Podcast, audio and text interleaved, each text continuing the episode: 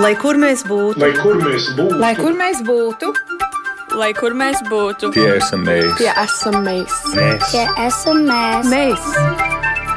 Tas ir par mums, tas ir par mums. Tas ir par mums.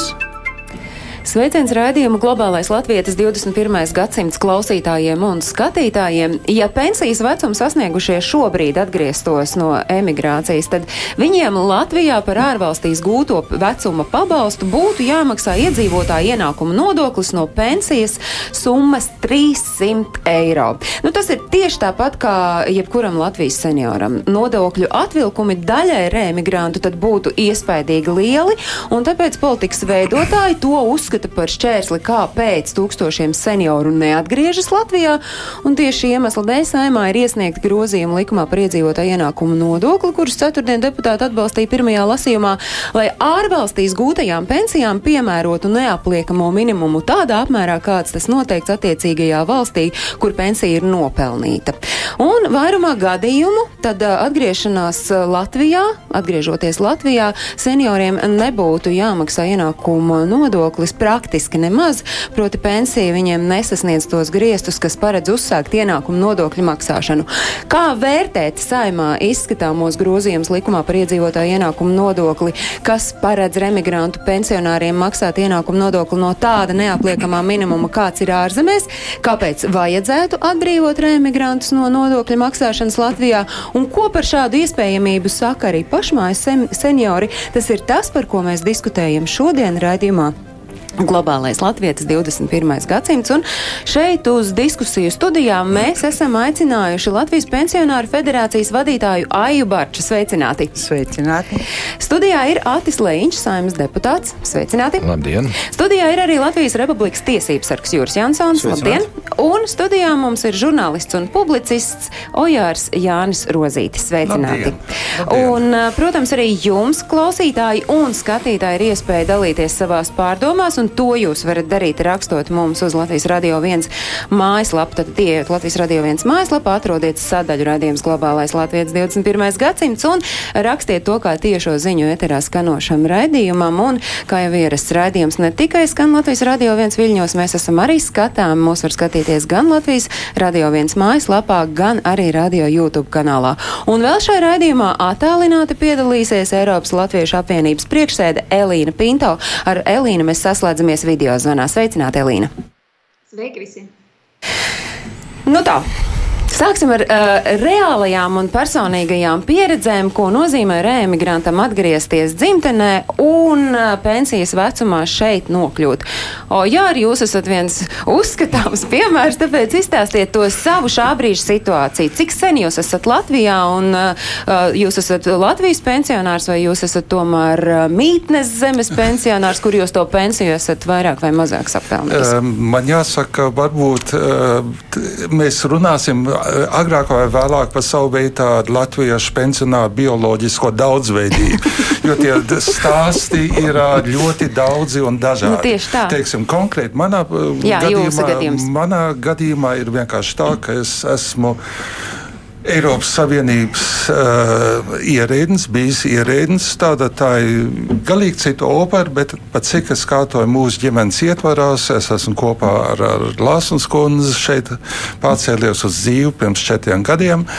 Uh, cik es kārtoju mūsu abas uh, ienākumu nodokļu deklarācijas, tad es ļoti labi pazīstu savus kundzes nodokļu situāciju, tā nodokļu situācija ir tāda, ka es pateikšu to galīgi vienkāršā formā. Vācijā viņas ienākumi no pensijas, no, pat, no divām pensijām, neapliktos ar nodokļiem, ar ienākumu nodokli nekādā ziņā. Latvijā turpretī, pateicoties um, neapliekamam minimumam, e, izrādās, ka mēs maksājām manas kundzes gadījumā to pašu sākotnēji tie bija laikam 23 vai 24%, saplēkāja tie 20%. Tāda viena piekdaļa manas kundzes pensija aiziet Latvijas valstī. Kas pamatā nav, protams, slikta lieta, lai valstī tiek, bet, teiksim, salīdzinot teiksim, ar to, ka mana kundze iemaksājot Vācijas pensijas sistēmā savas nodevas, ir tomēr sev nodrošinājis zināmas tiesības uz zināmu kaut kādu summu. Un šī summa, teiksim tā gluži brutāli runājot, Latvijā tiek krietni paplucināta. Un tas ir tur ir noteikti jāpārdomā, kā šo jautājumu risināt. Arī Bet jūsu pašu gadījumā ir kā? Kā bijušais Eiropas Savienības ierēdnis, Latvijā es nemaksāju ienākumu nodokli. Tas izklausās, tagad, protams, ļoti apvainojuši visiem pārējiem Latvijas iedzīvotājiem vai pensionāriem, bet tā tas ir. Iestājoties Eiropas Savienībā, Latvija pieņēma tos spēles noteikumus, kas ir Eiropas Savienībā. Un mans gadījumā ir vienkārši tā, ka es nemaksāju šeit nodokļus. Bet uh, mēs varam vispār runāt par tādu, ka Latvijas vai ārzemju pensionārs mēs drīkstam vispār lietot šādus apzīmējumus? Šādā gadījumā, piemēram, arī. Nu, redziet, šādā gadījumā, un tie gadījumi jau ir visai skaudri. Uh, godātā kunga un viņa kundzes uh, gadījums, manuprāt, tas nav nemaz tik. Uh, tik atpazīstams Latvijā. Tas šis varētu būt skatāmies. izņēmuma gadījums tomēr. Šis gandrīz ir izņēmuma Viņa gadījums. arī? Nē. Nu, to mēs varam noskaidrot tālāk mm. diskusijā.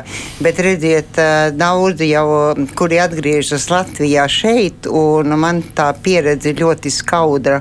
Atbrauc gan uh, cienījams pensionārs, gan cienījama pensionāre, un izrādās, ka šeit ir gadījumi, un tie jau ir diezgan bieži, kad viņi no savas lielās, tur citā valstī aprēķinātās pensijas šeit saņem tikai 430 minimālās algas apmērā.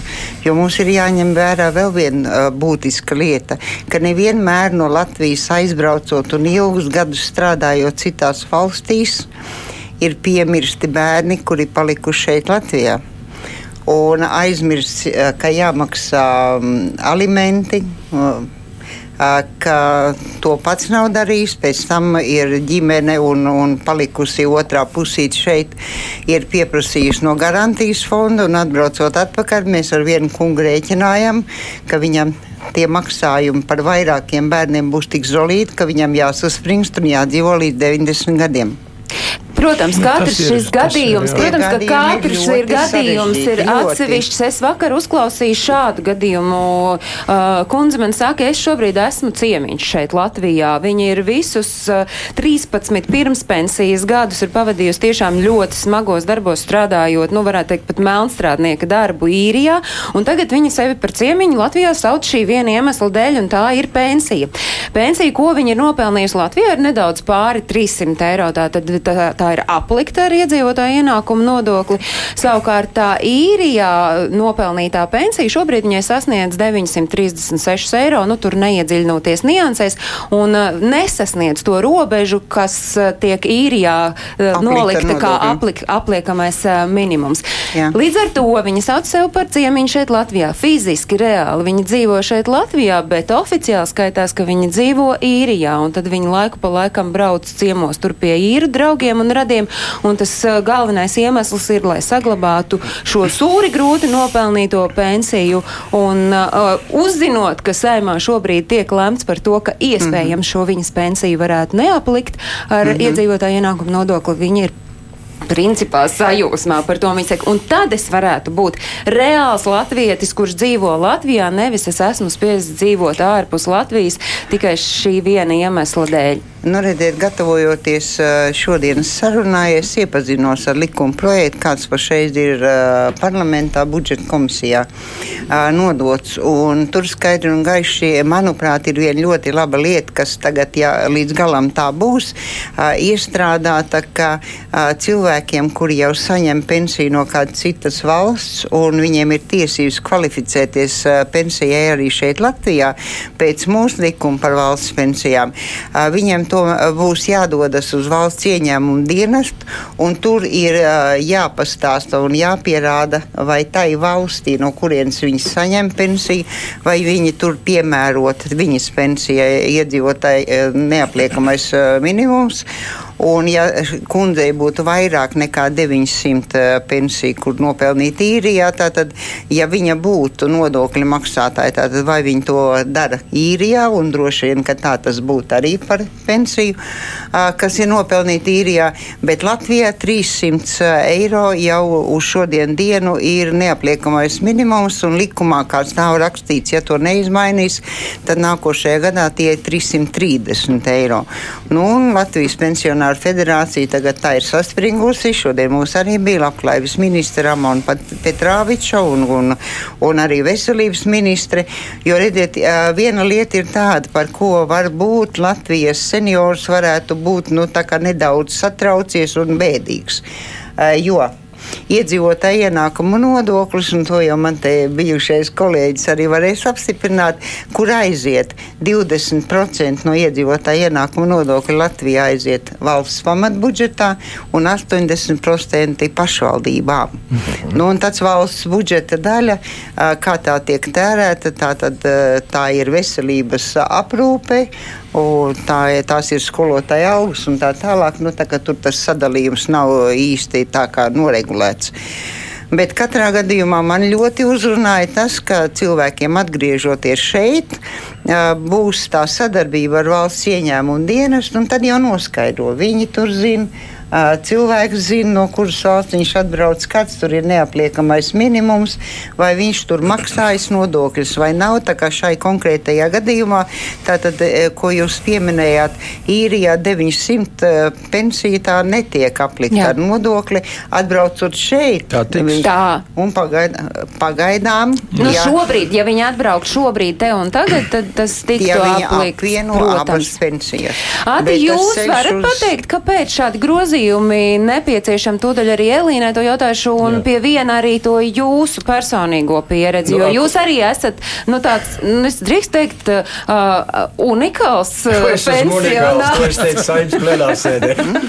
es uzturu divas ekonomikas ar savu pensiju. Zviedriju un Latviju. Jā. uh, bet papriekš varbūt ar saviem un tad, jā, kāpēc un tas bija vajadzīgs. Jā, ļoti ātri, jā. Nu, redziet, te ir viena lieta, kas jāatcerās ne visi atgriežas jau pensiju vecumā. Es Tieši atgriezos tā. jauns cilvēks, man bija tikai jā. 49 gadi, piedodiet. Un es pensiju sāku saņemt tikai stipri vēlāk. Es atgriezos 92. gadā un saņēmu pensiju 2007. Viss bija kārtībā.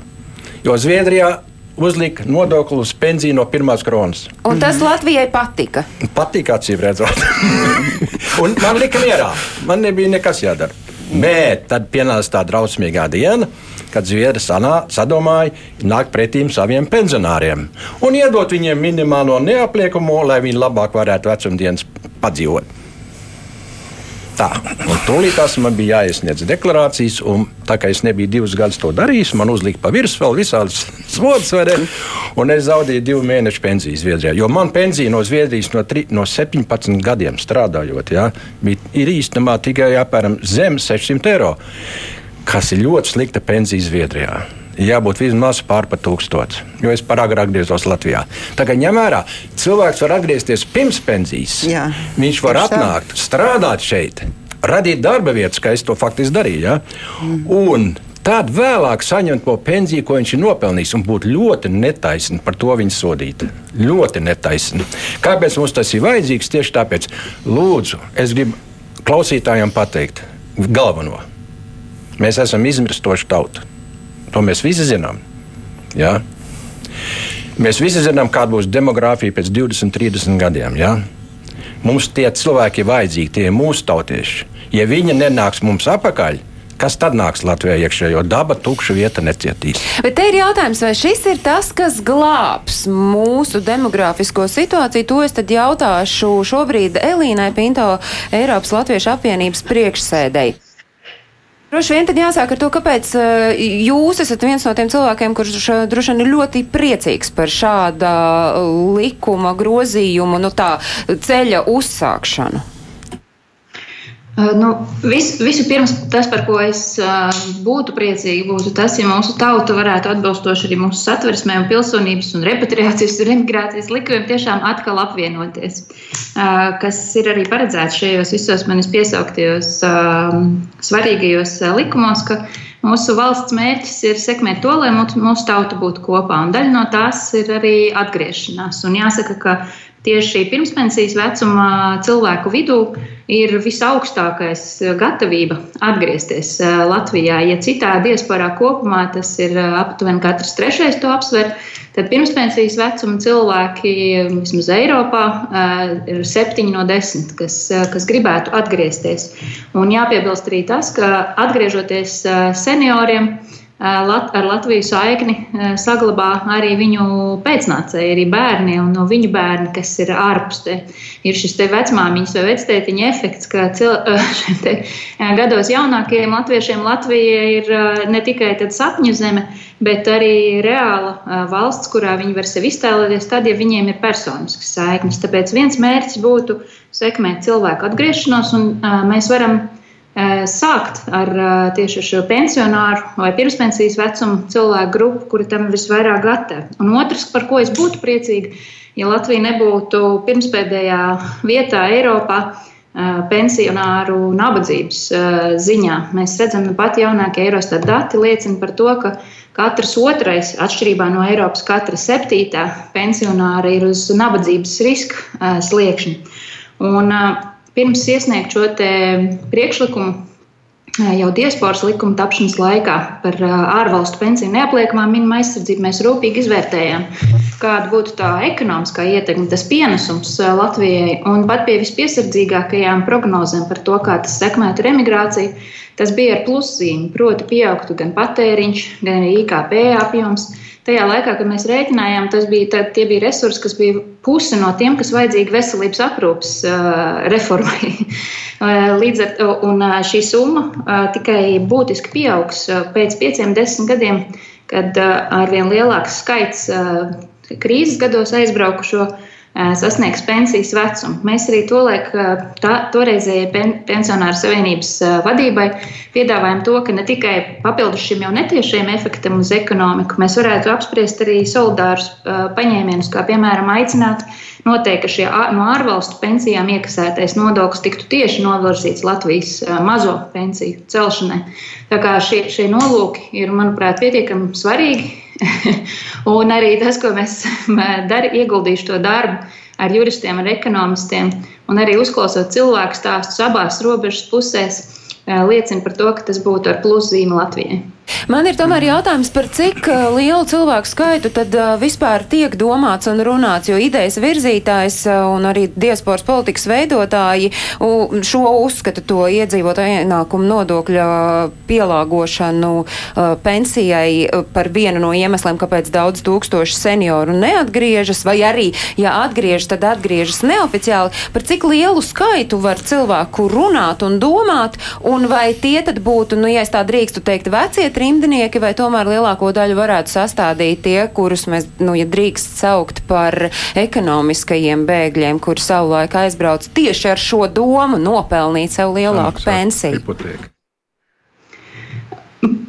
Pirmkārt, nodoms ir to attiecināt uz, uz visiem, kuri būtu gatavi atgriezties Latvijā. Jāpiebilst, ka jau 90. gados kad Latvijai bija svarīgi, lai atgrieztos Latvijā arī mūsu trimds cilvēki no Amerikas un Kanādas. Jau Latvijas valdība noslēdza līgumu ar šīm abām valstīm, un arī ar Krieviju un Ukrainu par to, ka tie cilvēki, kur pārcelsies uz dzīvi Latvijā no šīm valstīm, ka viņu pensijas arī tiks aizsargātas šādā veidā. Amerikas un Kanādas gadījumā aizsargāts tiks šis neapliekamais minimums, par ko arī šobrīd mēs runājam attiecībā uz, uz Eiropu. Bet no iebraucēji no Krievijas un Ukrainas Latvijā ienākuma nodokli nemaksā vispār. Tāpat arī ir šis starpvaldību līgums arī ar Eiropas Savienību par to, ka Eiropas Savienības institūcijās strādājošie nemaksā Latvijā pēc pārcelšanās uz dzīvi šeit no savas pensijas nodokļa. Tātad tas attiecinātu tikt uz visiem un patiesībā tiktu izlīdzināta šī situācija, kur jau pat nu, Latvijā jau tāds precedents ir. Par skaitļiem runājot, tad uh, migrācijas pētniekiem nav tādu ļoti precīzu aprēķinu uh, par to, cik uh, cilvēki ir pirmspensijas un pensijas uh, vecumā. Uh, bet uh, skaidrs ir tas, ka šis skaits uh, pieaug. Jo, ja mēs redzam, uh, ka nu, aizbraucēju lielais vilnis ir, aizbraukšanas lielais vilnis ir beidzies un aizbrauca nu, tiksim, 2008, 9, 10 gadā cilvēki nu, dažādos vecumos. Tad nu, tās aplēses ir, ka aptuveni šobrīd varētu būt 10%, kas ir pirmspensijas un pensijas vecumā, bet ar katru gadu šī, šī proporcija pieaugs. Jā, Elīna, pēc mirkļa mēs um, vēlreiz saslēgsimies tajā mirklī, kad Elīna teica, ka varētu uh, šo um, ārzemēs nopelnītās pensijas uh, iedzīvotāja ienākumu nodokli maksāt šeit Latvijā, ar ko varētu uh, aizpildīt uh, mazās pensijas. Jūs savukārt tā Mhm. bijāt tāds. Tas man druskuļi par sarežģīti ir. Ja? Bet es gribēju pateikt vienu lietu. Ja? Ka es gribu ļoti pateikties eh, Pinto kundzei, ja, jo viņa mums, deputātiem, ir ļoti daudz palīdzējusi. Viņa tiešām ieguldījuši darbu, tas vispār ir grūts jautājums. Ja. Un es arī personīgi esmu pateicis, jo es tagad arī to lietu labāk saprotu. Ja. Ko viņi pieminēja? Mēs pieņemam diasporas likumu, lai veicinātu reemigrāciju. Ja. Un tas nebija paredzēts, ka mēs uzliekam viņiem nodokļus, kas atgriežas.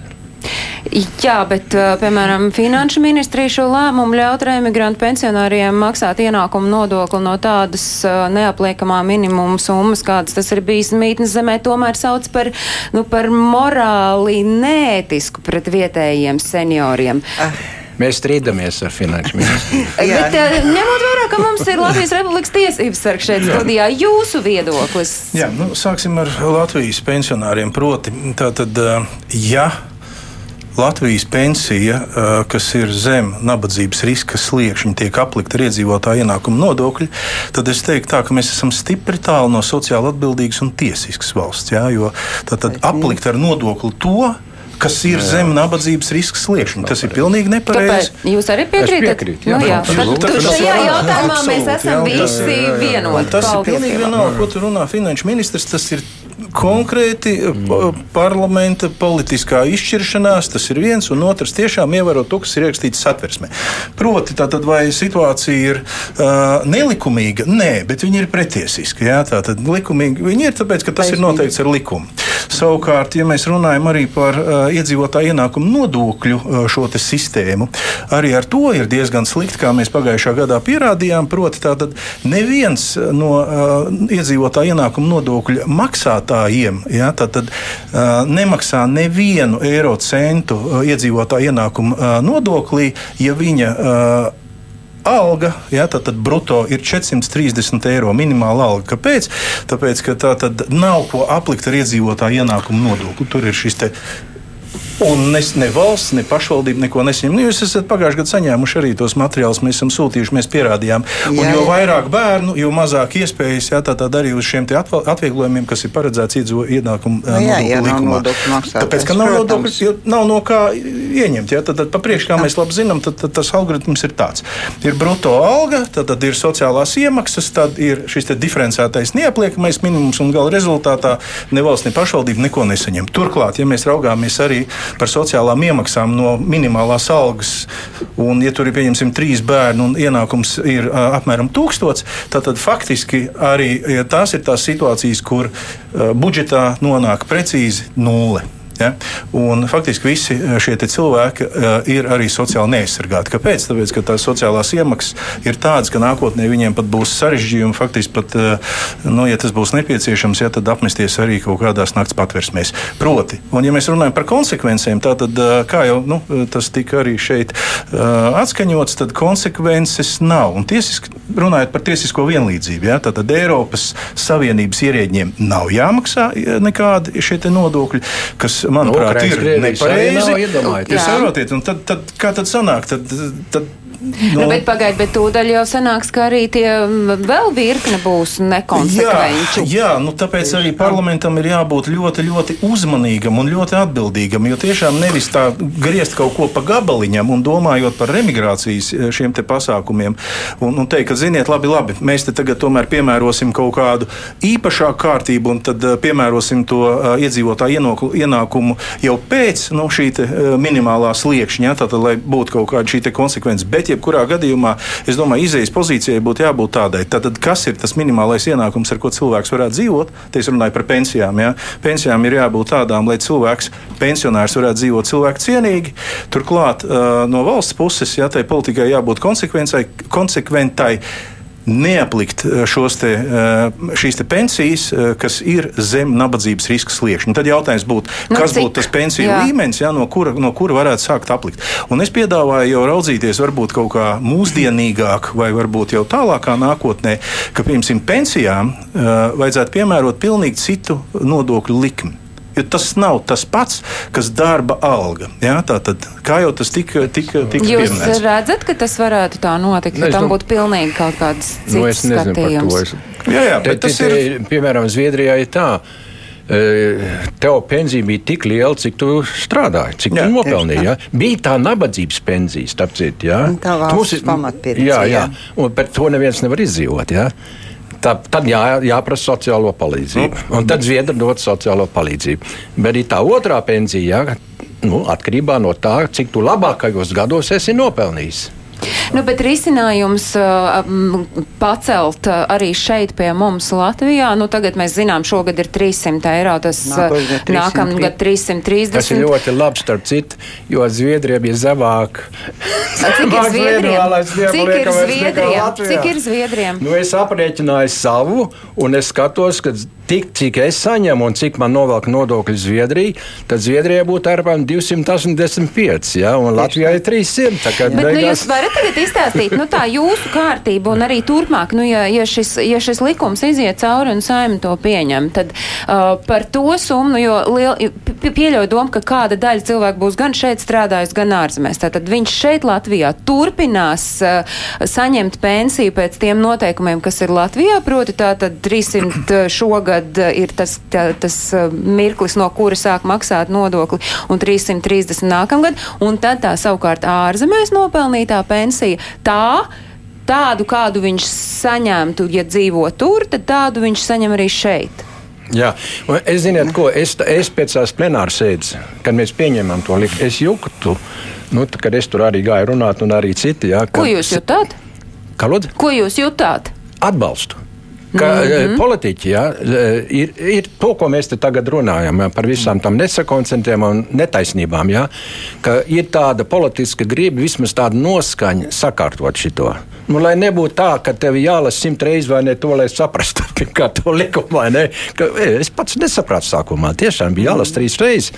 Un otrais ir tas, ka tev nu, nevar būt šīs nekonsekvences. Nu, vienkārši nevar būt. Cilvēks ir strādājis kā tā īriet, Latvijā, tik smagu darbu, atgriežas Latvijā un aha, uzliks vēl sots par to, ka, sots par to, cik... ka tu atgriezies. Jūs, starp citu, minējāt to vārdu, ka tas ir sots, bet man no otras puses visu laiku neliek mieru. Nu, nezinu, piemēram, mana vīra māte, kur ir visu mūžu nostrādājusi par uh, skolotāju, un tā viņas pensija, kas ir cik tas savukārt, un arī viņa droši vien ir savu veselību sabeigusi. Un, jā, jā, un, ja, ja tas ir tas, ko mēs noliekam, bet es zinu, ka Elīna ir ko teikt. Jā, paldies. Es uh, tikai gribēju arī aicināt, ka nesabiezināt uh, krāsas, uh, jo ir uh, risks ieslīgt tādā nu, karķēšanā uh, par to bagāto ārzemju latvieti, kurš tagad dzīvos uh, cepuri kuldams uh, kaut kādā neaizskaramības burbulī un nemaksās nodokļus kā kāds oligārs. Un no otras puses, šo Latvijas pensionāru mēs, kas esam Latviju atstājuši, mēs ļoti labi zinām, ko nozīmē Latvijā būt pensionārs. Mums visiem ir mammas, tēti, vecmāmiņas, kuriem mēs ikdienā arī skaitām naudu, tāpēc, lai viņi ne, nebūtu zem šī nabadzības sliekšņa. Un mūsu kopīgajās interesēs ir tas, lai cilvēki eh, nu, jau pensijas gados, vecumdienās varētu dzīvot cilvēku cienīgu dzīvi. Tāpēc man liekas, ļoti svarīgi tas, ko arī piebilda tiesības sargs eh, par to, ka nepieciešams, skaidri nepieciešams uzlabot pensionāru dzīves apstākļus Latvijā. Un šo mēs saskatām kā vienu no tiem veidiem, kā var pienest papildus līdzekļus Latvijai. Proti, šobrīd jau uh, tie pensionāri ceļš, kas ir nu, lielākais skaits pirmspensijas un pensijas gados Eiropā, viņi ir nopelnījuši arī Latvijas pensiju. Ja viņi nolēma neatgriezties uh, Latvijā, tad viņi principā šo Latvijas pensiju izved uh, no Latvijas un tērē ārvalstīs, un par to arī tur nemaksā nodokli, bet principā nu, šo naudu paņem no Latvijas un aizved projām. Un, Otrām kārtām, atgriežoties Latvijā, viņiem principā šobrīd sanāk tā, ka viņiem tā Latvijas pensija ir jādod nodokļos. Viņš, nu tā saskaitot kopā to ārvalsts pensijas daļu un Latvijas pensijas daļu, ja viņam uzliek to Latvijas neapliekamo minimumu, viņš visu Latvijas pensiju atmaksā atpakaļ. Plus viņš zaudē arī tos sociālā atbalsta uh, pasākums, kas viņam būtu tajā mītnes zemē. Un tas cilvēks nostāda ļoti sarežģītā situācijā, kad sirds ārkārtīgi vēl tā atpakaļ, un viņi vēlētos varbūt ieguldīt un sakopt savas dzimtās mājas novados, atgriežoties un uh, pie sevis aicināt atkal tos bērnus un mazbērnus, kas šobrīd dzīvo ārzemēs, bet e, gluži racionāli. Tas ir, nu, tas ir neprāts. Es vai, arī, vai arī vēl neliela piebildīt to daļu jums, jo vēl ir viens variants kļūt nu, nosacīti par eh, likuma pārkāpēju šeit Latvijā. Nu, praktiski dzīvot šeit Latvijā, bet skaitīties, ka dzīvo kādā tajā savā mītnes zemē. Nu, es esmu drošs, ka cilvēks slēp. Šito zinot, kas Latvijā notiek, vai ne, ir daudz, kas vienkārši slēp. Jā? Bet es gribētu pat paskatīsimies, kas notiek Lietuvā. Jā, kas notiek Igaunijā? Es zinu. Nu, es runāju Lietuvas labklājības ministru. Viņi, tiem, kas atgriežas, viņi aplaudē un neapliek neko. Vienkārši nekas. Lai dzīvo, galvenais, ka viņi ir atgriežies un naudu atved atpakaļ. Igaunijā? Mhm. Igaunijā viņi diskutē šo bet tagad Igaunijā, Igaunijā viņi mēģina pacelt savus uh, minimālo neapliekamu līdz tai zemē, kas ir īrijā vai Anglijā. Lai nebūtu, lai nebūtu jāplieka nodokļi, vienkārši pacelt to minimālo, lai izlīdzinātu. Nu, re, Latvijā jau arī mums bija. Uh, Tāda saimā mēs kopā saņēmām savu laiku tādu vēstījumu, pensijas bez nodokļiem. Un tad, kad tas jautājums tika skatīts tajā laikā Sociālo un darblietu komisijā, tad mums izdevās panākt vienošanos gan ar labklājības, gan ar, um, gan ar finanšu ministriju, jo tajā laikā neapliekamais minimums bija 235. Nu, tad mēs tikām pagājušajā gadā līdz 270, tad līdz 3, tad 300. Nu, tagad vismaz pensionāru federācija gatavojoties nākošo gadu budžetam, mūsu prasība būs ļoti konkrēti minimālās algas apmēram. Nu, es esmu dzirdējusi 430, 430 bet tā. uh, ir izskanējis viedoklis. Kāpēc, nu labi, piedodiet, es neko nesaprotu, bet kāpēc nevarētu būt visiem, piemēram, tūkstotis? Pensijā. Jā, pensijām. Neapliekam, neapliekamas minimums. Pagaidiet, bet ir vēl, ir vēl viena. to nevar atļauties. bet uh, ir vēl viena tāda lieta, varbūt arī tas šodien ir svētīgi to pieminēt, jo uh, likumā par iedzīvotāju ienākumu nodokli skaidri un gaiši ir rakstīts, ka tiem senioriem, pensionāriem, kur pensionējās līdz 1995. gada 31. decembrim viņu pensija ir neapliekamais minimums. Nu, jā, Tikai tad, ja 97. un 98. Jā. gadā nepieprasīja pensiju piešķirt no jauna, bet uh, reizēm viņi tā kvalificē un saka pārēķināt. Tā nav pārēķina, tā ir pensijas piešķiršana no jauna tādas iespējas arī bija. Bet tiem, kuri tiešām mums ir eh, sirmā vecumā un vienalga neatkarīgi no pensijas apmēra, un mums ir cilvēki, kuri strādājuši ir 50, 55, 60 un vēl vairāk gadus, un viņu Bet pensijas ir eh, sistēmas, sistēma, tieši jā. tā, un viņi arī ir tiesīgi katru gadu pensiju pārēķināt.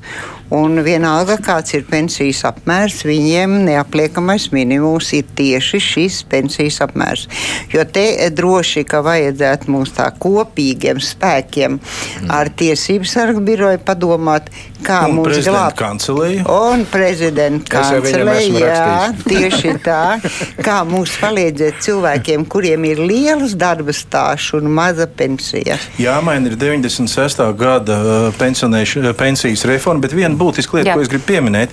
Mēs runājam par naudu un, un, un lielu, maza, daudz un nodokļu un tā tālāk, bet ārkārtīgi svarīgi tiesiskā un sociālā, sociāli atbildīgā valstī realizēt, nodrošināt cilvēka cieņu. Un te ir tas stāsts, lai cilvēka, cie, tad, tad, lai pensionārs varētu arī ne tikai izdzīvot, bet dzīvot cilvēka cienīgi. Tas ir ierakstīts arī Latvijas Republikas satversmē par Tieši cieņu, tā. un tas arī uh, ir tā. Eiropas cilvēktiesību, uh, Eiropas cilvēktiesību hartas pirmajā pantā ierakstīts. Jā. Tātad cieņa. Un tas nozīmē to, ka valstī. Parlamentam, valdībai ir jāizdara viss iespējamais, varbūt pat neiespējamais, lai tiešām pietuvotos. Ja? Jo es gribētu teikt, tā pietuvoties un nodrošināt to pakāpenisko, šo sociāli atbildīgas valsts eh, principu ieviešanu. O, jā, Nu, Jā, es gribēju faktiski eh, vēlreiz atgriezties pie tās pensionāra bioloģiskās daudzveidības latviešos.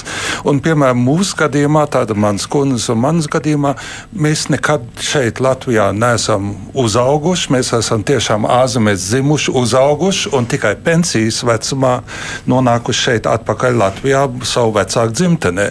Tātad pie šitā, tas ir viens punkts, ko arī Andrejs Judins tajā saimnes uh, plenārsēdē pieminēja. Tur ir neprecizitātes tajā likumprojektā. ir. Tur, tur ir tiešām vēl.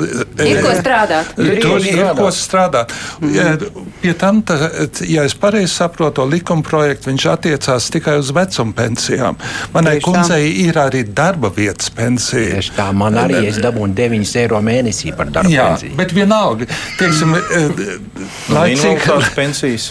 Un, lai Jā, nē, cik žēl tas tā būtu, tas jautājums būs tieši par ļoti visam. sarežģīts. Bet es domāju, teiksim, ja es runāju kā tomēr diezgan labi situēts pensionārs, es teiktu, mums teiksim, nav tā, ka es gribētu izvairīties no nodokļu. Ne, ne, nekādā gadījumā nē. Tikai es nesaprotu, kāpēc. Uh, teiksim, mūsu izšķiršanos vecumdienas pavadīt uh, uh, Latvijā, savu vecāku dzimtenē, teikt, apliek ar vienu piekdaļu Bet atvilkumu. sakiet, jūsu kundze to uz, uztver kā sodu. Mēs te pieminējām, mani soda par to, ka es. Um, ne, Par netaisnību, par netaisnību, jo viņa, viņa ir iemaksājusi eh, sociālās apdrošināšanas sistēmā, ne Latvijas, bet Vācijas šī gadījumā konkrēti. Un viņi var sagaidīt viņai tiesības, ja Vācijā viņu uzturētos ir Eiropas Vācijā, viņi dabūtu visu Tas to naudu, kas viņai pienākās, to viņi dabūtu uh, neto uz rokas. Punkts. Un nekāda tagad. nebūtu. Elīnu iesaistām sarunā. E, Jā, es gribēju papildināt arī to, ko Ojārs saka, jo e, vēl ir aizmirsts tas, ka Eiropā, piemēram, ir 18 valstis, kurās arī turpina saviem tā saucamajiem pensionāriem sekt veselības aprūpas izdevumus, pat tad, ja šie pensionāri vairs nedzīvo šajā valstī.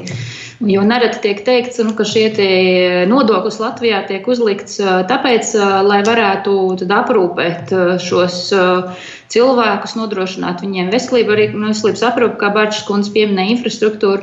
Bet patiesībā jau cilvēki no šīm, vismaz no šīm 18 valstīm, viņi ienes Latvijas veselības aprūpas sistēmai papildus naudas. Viņi subsidē Latvijas ārsta pakalpojumus no šīs ārvalsts budžeta. Tā kā Tas arī būtu jāņem vērā kā iegūms Latvijai.